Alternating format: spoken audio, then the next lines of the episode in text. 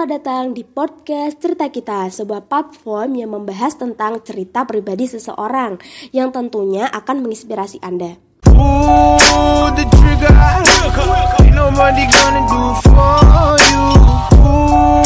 The Hai Sobat Cerita Kita, bertemu lagi di podcast Cerita Kita Bersama saya Aini yang akan membahas langsung tentang bullying. Nah, bullying sendiri istilah yang sudah tidak asing lagi di telinga kita. Sebuah tindakan atau perilaku penindasan Menyakiti orang lain dengan kekerasan fisik Mendorong, memukul, mengacam, atau bahkan pemaksaan yang dilakukan secara berulang dengan tujuan mengganggu korban yang lebih lemah. Kasus bullying atau perundungan biasanya sering terjadi di dunia pendidikan. Bisa terjadi pada orang dewasa, bahkan anak-anak juga bisa menjadi korban bullying dari temannya. Untuk episode kali ini, saya akan ngobrol santai dengan teman saya Laras yang akan membagikan ceritanya. Dalam obrolan ini, Laras akan berbagi cerita tentang bully yang dia alami, pengaruhnya terjadi pada perkembangannya sebagai remaja, serta bagaimana dia itu bisa bangkit menjadikannya sebagai alasan yang kuat untuk tumbuh menjadi lebih baik. Nah, saat ini kita sudah terhubung dengan narasumber. Dan sebelumnya, nama yang dipakai narasumber kita kali ini sudah disamarkan ya, karena yang sudah kita ketahui, hal ini itu bersifat pribadi. Oke, baik, langsung saja kita sapa narasumber kita kali ini. Halo, selamat siang. Hai, selamat siang. Apa kabar? Baik, alhamdulillah. Oke, sebelum kita masuk ke pembahasan, boleh dong kamu kenalan dulu sama sobat cerita kita? Hai semuanya, kenalin aku Laras, mahasiswa semester 3 di salah satu perguruan tinggi negeri di Surabaya. Hai juga Laras, nah kalau boleh tahu nih kamu sekarang kuliah sambil kerja atau fokus kuliah aja? Sekarang fokus kuliah aja sih. Laras, kita sekarang akan bahas bullying nih Dan Laras katanya pernah mengalaminya ya dulu Jadi kalau boleh tahu sejak kapan sih kamu menerima perlakuan seperti itu? Kalau dibully, itu aku udah dari SD sampai SMA Wah, ternyata lama juga ya dari SD sampai SMA itu waktunya cukup lama. Pasti di antara kejadian itu ada dong yang paling membekas. Nah, itu kejadiannya seperti apa dan di mana? Boleh dong di-share ke teman-teman? Yang paling membekas sampai sekarang itu mungkin pas aku kelas 1 SMP di mana aku belum sepenuhnya mengenal teman baru kan. Istilahnya masih banyak-banyak beradaptasi sama lingkungan. Iya, memang sih tidak semua orang itu bisa beradaptasi dengan lingkungan sekitarnya. Bahkan butuh waktu cukup lama untuk beradaptasi. Terus kejadian apa nih yang Laras alami waktu SMP kelas 1 itu? Jadi suatu ketika aku tuh diajak sama teman sebangku aku, sebut aja dia si A gitu kan. Nah, si A ini ngajak aku ke mall. Ya namanya diajak main ke mall ya aku ayo-ayo aja kan. Jadi aku jawab iya ayo gitu. Terus si A ini nanya ke aku eh masa berdua doang sih? Gimana kalau kita ngajak si B? gitu. Terus aku jawab kan boleh ajak aja gitu. Terus si A ini bilang gini eh tapi nggak enak tahu kalau ngajak si B gitu lah, aku kaget dong dia bilang kayak gitu. Terus aku balik tanya ke dia. Emang kenapa? Terus jawaban dia tuh gini. Iya, si B tuh norak anaknya. Apalagi kalau pakai baju. Aduh, bisa-bisa malu-maluin kita gitu. Nah, kalau boleh tahu nih, di sini si B-nya itu satu kelas sama kamu atau beda kelas? Satu kelas. Satu kelas, aku sama si A maupun si B itu sama-sama satu kelas tapi kita tuh nggak deket gitu Oke, terus tadi gimana reaksi kamu saat si A bilang kalau si B itu anaknya norak dan malu-maluin? Nah, di situ aku diem doang, nggak jawab. Tapi teman sebangku aku ini si A, dia tuh terus-terusan ngejek si B gitu. Wah, parah sih itu sampai segitunya. Waktu itu si B itu bawa temennya berapa orang? Mungkin sekitar enam orangan gitu sih. Jadi itu kan kejadiannya tiba-tiba dia narik kamu ke kamar mandi Lalu guyur kamu sampai basah kuyup Nah kamu sendiri paham gak sih sama keadaan dia saat kejadian itu? Apa emang dia itu punya temperamental yang tinggi Sampai-sampai berniat melakukan hal seperti itu Aku nggak tahu sih keadaan dia gimana Karena kan emang kita nggak deket gitu ya Cuma selama ini emang mereka itu bisa dibilang nakal dan kasar sama semua orang. Jadi nggak cuma uh, anak-anak yang lemah aja, cuma dia emang kasar ke semua orang. Dan guru-guru pun juga udah pada tahu kalau mereka tuh emang anak nakal gitu. Sampai udah paham lah guru-guru tuh sama sifat mereka gitu.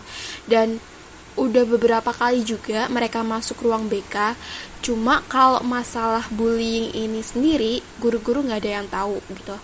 Yang mereka tahu mereka cuma anak nakal yang sering telat masuk sekolah bolos pelajaran terus nggak pernah ngerjain tugas atau mungkin ketawa nyontek pas ujian. Udah sih itu aja tapi kalau misal masalah bullying ini emang guru-guru nggak ada yang tahu. Setelah kejadian itu reaksi si A ke kamu gimana biasa aja sih. Setelah kejadian itu besoknya biasa aja. Kayak nggak ada masalah gitu. Dia senyum senyum ke aku dan aku juga balas dia senyum gitu. Padahal aku berharapnya dia minta maaf gitu. Atau paling enggak dia jelasin lah maksud dia ngomong gitu sama si B itu apa gitu kan. Karena kan jelas-jelas aku sama sekali nggak ngomong kayak gitu gitu malah dia yang ngomong kayak gitu sampai jelek-jelekin si B gitu.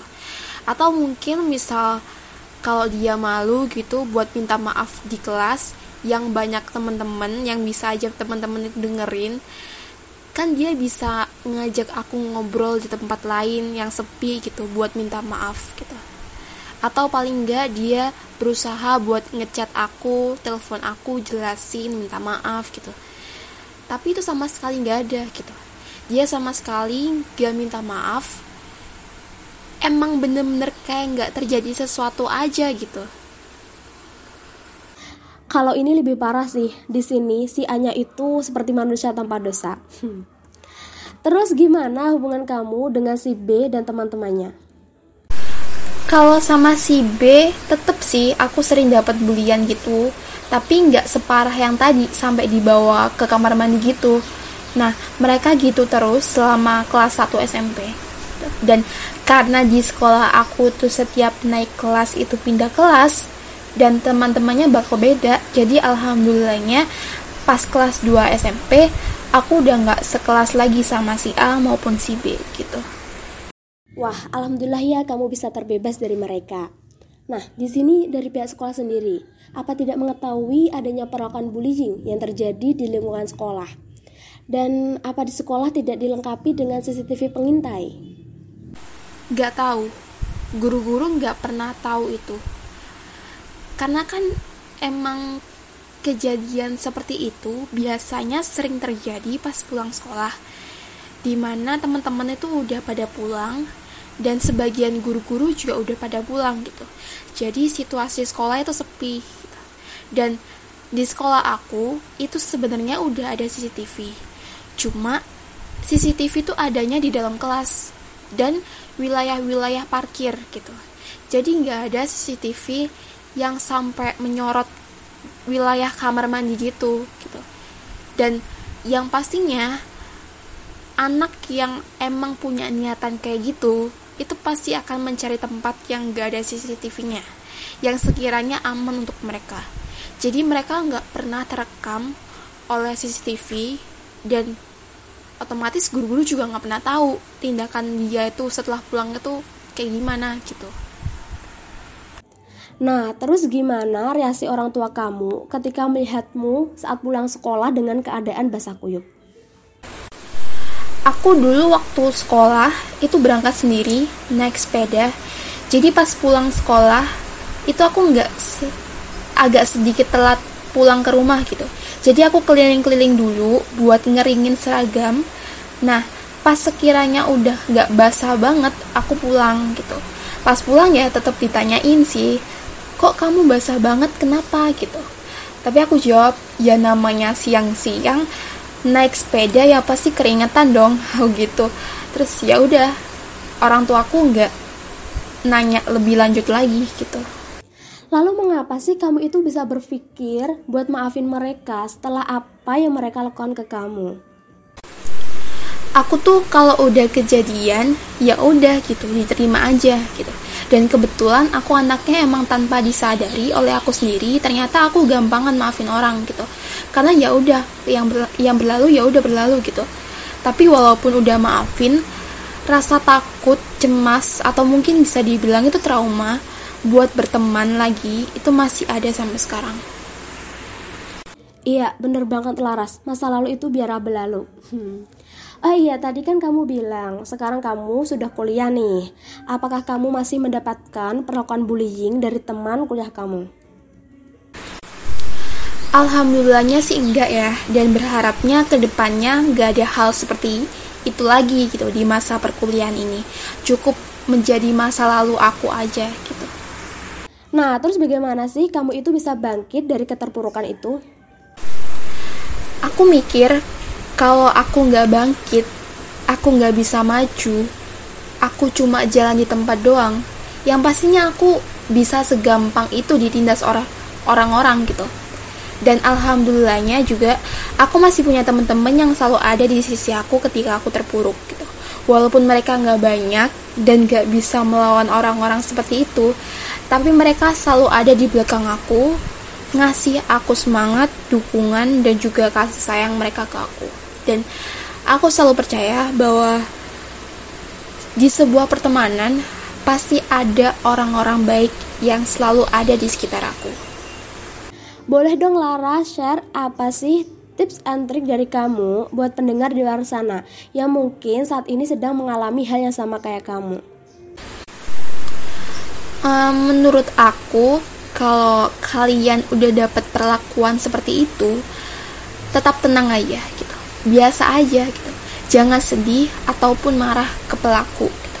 karena kalau kalian sedih pelaku tuh bakal senang gitu dan bakal ngulangin lagi gitu dan kalau kalian marah pelaku juga bakal marah balik ke kamu karena mereka berpikir kamu nggak terima apa yang udah mereka lakuin ke kamu gitu. Jadi walaupun susah ya untuk bersikap tenang di saat seperti itu, tapi sebisa mungkin jangan diperlihatkan di depan mereka gitu. Lalu kalau semisal ketemu di jalan nih, biasa aja juga gitu. Hadapi mereka dengan tenang, badan tegak, dan angkat kepala kalian. Jangan nunduk, karena kalau kalian nunduk, kalian nunjukin bahwa kalian itu lemah gitu dan takut sama mereka. Jadi angkat kepala kalian supaya nunjukin ke mereka kalau kalian tuh nggak takut sama mereka. Atau kalau perlu, jangan lewat lingkungan yang biasanya mereka tepati gitu kan. Karena hal itu bakal memancing mereka. Atau kalian bisa juga ngeblok semua kontaknya, entah itu WA, Line, Telegram, atau mungkin sosial medianya dia gitu. Contoh Instagram, Twitter atau mungkin TikTok gitu. Blok aja semuanya gitu. Supaya kalian sama sekali tidak ada hubungan sama mereka gitu. Nah, semisal kalau menurut kalian tindakan mereka tuh sudah keterlaluan dan semakin parah, laporin aja. Laporin perilaku mereka ke guru kalian atau siapa pun yang bisa kalian percaya gitu. Dan jangan pernah takut. Jangan takut karena kebanyakan korban kebanyakan korban bullying itu sebenarnya udah capek dan mau lapor atau curhat ke temennya tapi takut sama si pelaku mungkin mungkin aja si pelaku pernah ngancem korban buat jaga rahasianya gitu walaupun kalian diancem seperti itu tenang aja nggak apa-apa. Laporin aja ke ke pihak yang berwajib atau guru kalian atau teman kalian. Karena itu udah hak kalian gitu. Itu udah hak kalian dan udah menyangkut keamanan dan kenyamanan kalian gitu. Jadi jangan pernah takut buat lapor dan terakhir mungkin uh, maafin aja semua perilaku dia dan percaya bahwa semua yang mereka lakuin ke kamu itu pasti ada balasannya. Balas dibalas dengan setimpal itu pasti gitu. jadi tenang aja. Jadi jangan berpikiran bahwa kalian pengen balas dendam. Jangan. Jadi hilangkan jauh-jauh pikiran untuk balas dendam ke mereka. Karena kalau semisal kalian balas dendam ke mereka ngelakuin hal yang sama gitu seperti itu lalu apa bedanya gitu? Kalian sama mereka itu apa bedanya gitu? Sama-sama bullying kan? Sama-sama pelaku bullying kan? Jadi hilangkan jauh-jauh pikiran untuk balas dendam gitu. Jadi buat kalian semua yang sekarang udah berjuang atau lagi berjuang di hubungan seperti itu semangat dan sekiranya kalian udah ngerasa di pertemanan yang toksik udah tinggalin aja gitu. Tinggalin dan cari teman baru gitu. Pasti pasti ada teman baik yang masih mau berteman sama kalian gitu. Jadi tinggalin teman toksik kalian itu gitu Nah, buat sobat cerita kita yang mengalami hal yang sama seperti Laras, boleh banget ikutin tips and trik yang disaranin oleh Laras. Laras, kalau misal nih, sekarang si B-nya itu sedang mendengarkan podcast cerita kita. Apa yang ingin kamu sampaikan buat si B dan teman-temannya? Apa ya? Aku berharapnya sih mereka udah berubah ya. Cukup di masa-masa sekolah aja mereka seperti itu. Dan jangan diulangi lagi di masa mendatang. Dan semisal ada masalah, itu bisa diselesaikan dengan baik-baik tanpa ada tindakan-tindakan yang mengganggu atau mungkin membahayakan orang lain. Karena kita kan nggak pernah tahu ya, masalah itu datang karena apa. Bisa aja itu cuma salah paham, kan kita nggak ada yang tahu. Baik teman-teman, karena keterbatasan waktu, mungkin sampai di sini aja cerita kita kali ini. Dan terima kasih buat narasumber yang sudah bersedia gabung di cerita kita. Dan makasih juga yang sudah berani speak up tentang pengalaman pribadi kepada para pendengar. Iya, sama-sama. Aku juga berharap dari pengalamanku ini teman-teman bisa mengambil nilai positif dari cerita kita kali ini dan makasih juga buat cerita kita yang udah memberikan ruang buat aku untuk speak up di sini. Baik Laras, terima kasih banyak. See you, bye-bye. Bye, bye semuanya. Makasih. Gimana nih sobat cerita kita? Semoga kalian suka dan bisa mendapatkan inspirasi serta termotivasi dari pembahasan kita kali ini. Terima kasih telah mendengarkan podcast cerita kita minggu ini.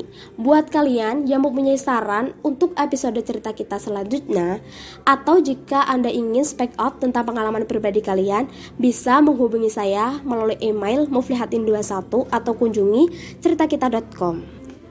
Demikian obrolan kita kali ini. Terakhir saya Aini dan juga kerabat kerja saya, Ulun sebagai penulis naskah dan Siska selaku editor, pamit undur diri and see you next time. Sampai jumpa di episode selanjutnya. Bye bye.